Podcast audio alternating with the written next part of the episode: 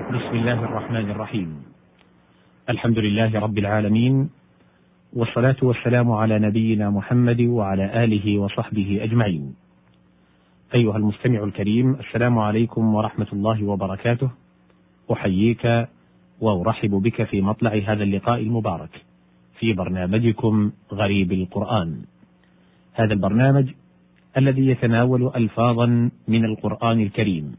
تحتاج إلى الإيضاح والبيان فيقوم بإيضاحها وبيانها وتفسيرها من خلال ما قالته العرب الفصحى في شعرها ونثرها.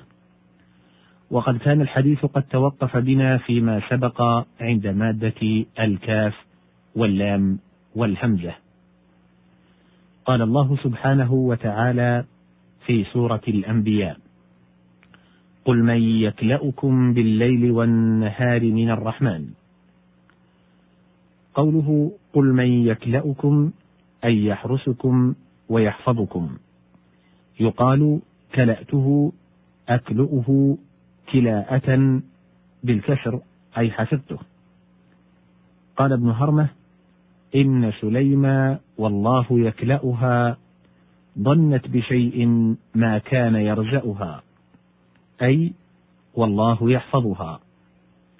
وقيل كلأة الشيء حفظه وتبعيته بالمراعاة وهو راجع لمعنى الأول.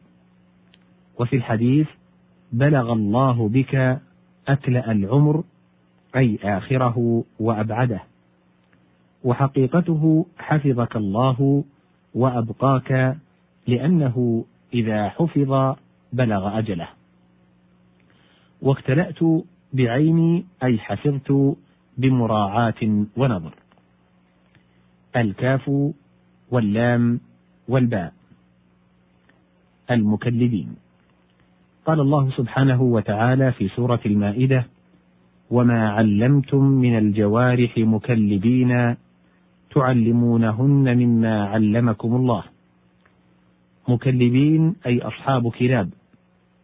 قال طفيل الغنوي يصف الخيل تباري مراخيها الزجاج كأنها ضراء أحست نبأة من مكلبي. الكاف والميم والحاء الأكمة. قال الله سبحانه وتعالى في سورة المائدة وتبرئ الأكمه والأبرص بإذني.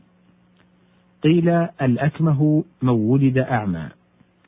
ويقال هو الذي يولد مطموس العين. وقيل بل هو الذي طرأ عليه العمى أو ذهاب العين. قال الشاعر لقد ظهرت فلا تخفى على أحد إلا على أكمه لا يدرك القمر. وقال رؤبة بن العجاج فارتد عنها كارتداد الأكمه. ويقال إنه لم يوجد في هذه الآفة أكمه بالتفسيرين الأولين إلا قتادة ابن دعامة السدوسي صاحب التفسير. ويقال كمه يكمه كمها. قال سويد كمهت عيناه حتى ابيضتا فهو يلحى نفسه لما نزع. وهذا يؤيد القول بأن يقال للعمى الطارئ. الكاف والنون والدال الكنود. قال الله سبحانه وتعالى في سورة العاديات إن الإنسان لربه لكنود أي لكفور وكذلك الأرض الكنود التي لا تنبت شيئا. قال الأعشى أحدث لها تحدث لوصلك إنها كند لوصل الزائر المعتاد. وفي مسائل نافع بن الأزرق لعبد الله بن عباس رضي الله عنه قال أخبرني عن قوله تعالى لكنود قال كفور للنعم وهو الذي يأكل وحده ويمنع رفده ويجيع عبده أما سمعت قول الشاعر شكرت له يوم العكاظ نواله ولم أكن المعروف ثم كنودا. الكاف والنون والنون المكنون. قال الله سبحانه وتعالى في سورة الصافات وعندهم قاصرات الطرف عين كأنهن بيض مكنون أي مصون. وكل لؤلؤ أو بيض أو متاع صنته فهو مكنون. وكل شيء أضمرته في نفسك فقد أكننته.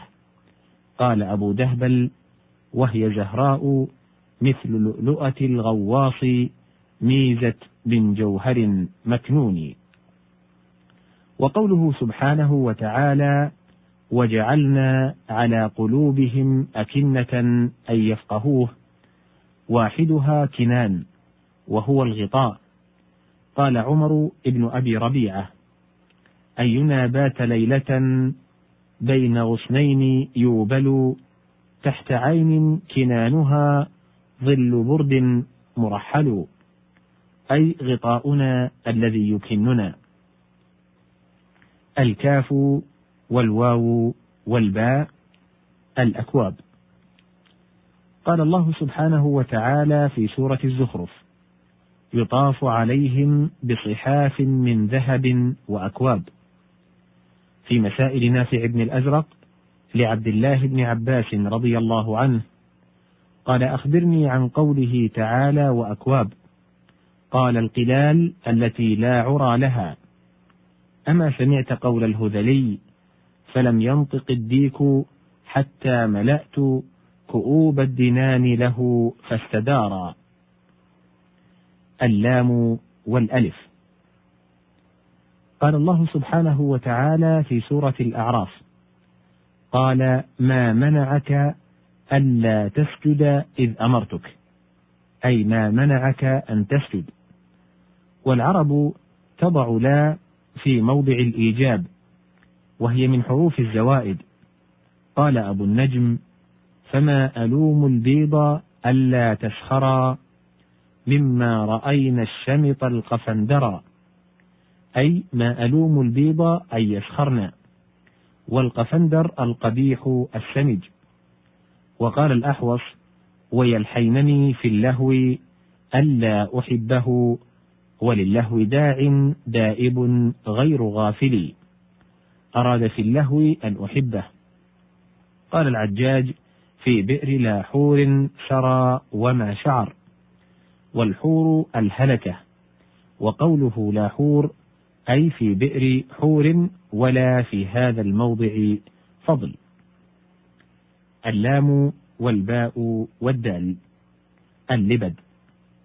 قال الله سبحانه وتعالى في سورة الجن وأنه لما قام عبد الله يدعوه كادوا يكونون عليه لبدا.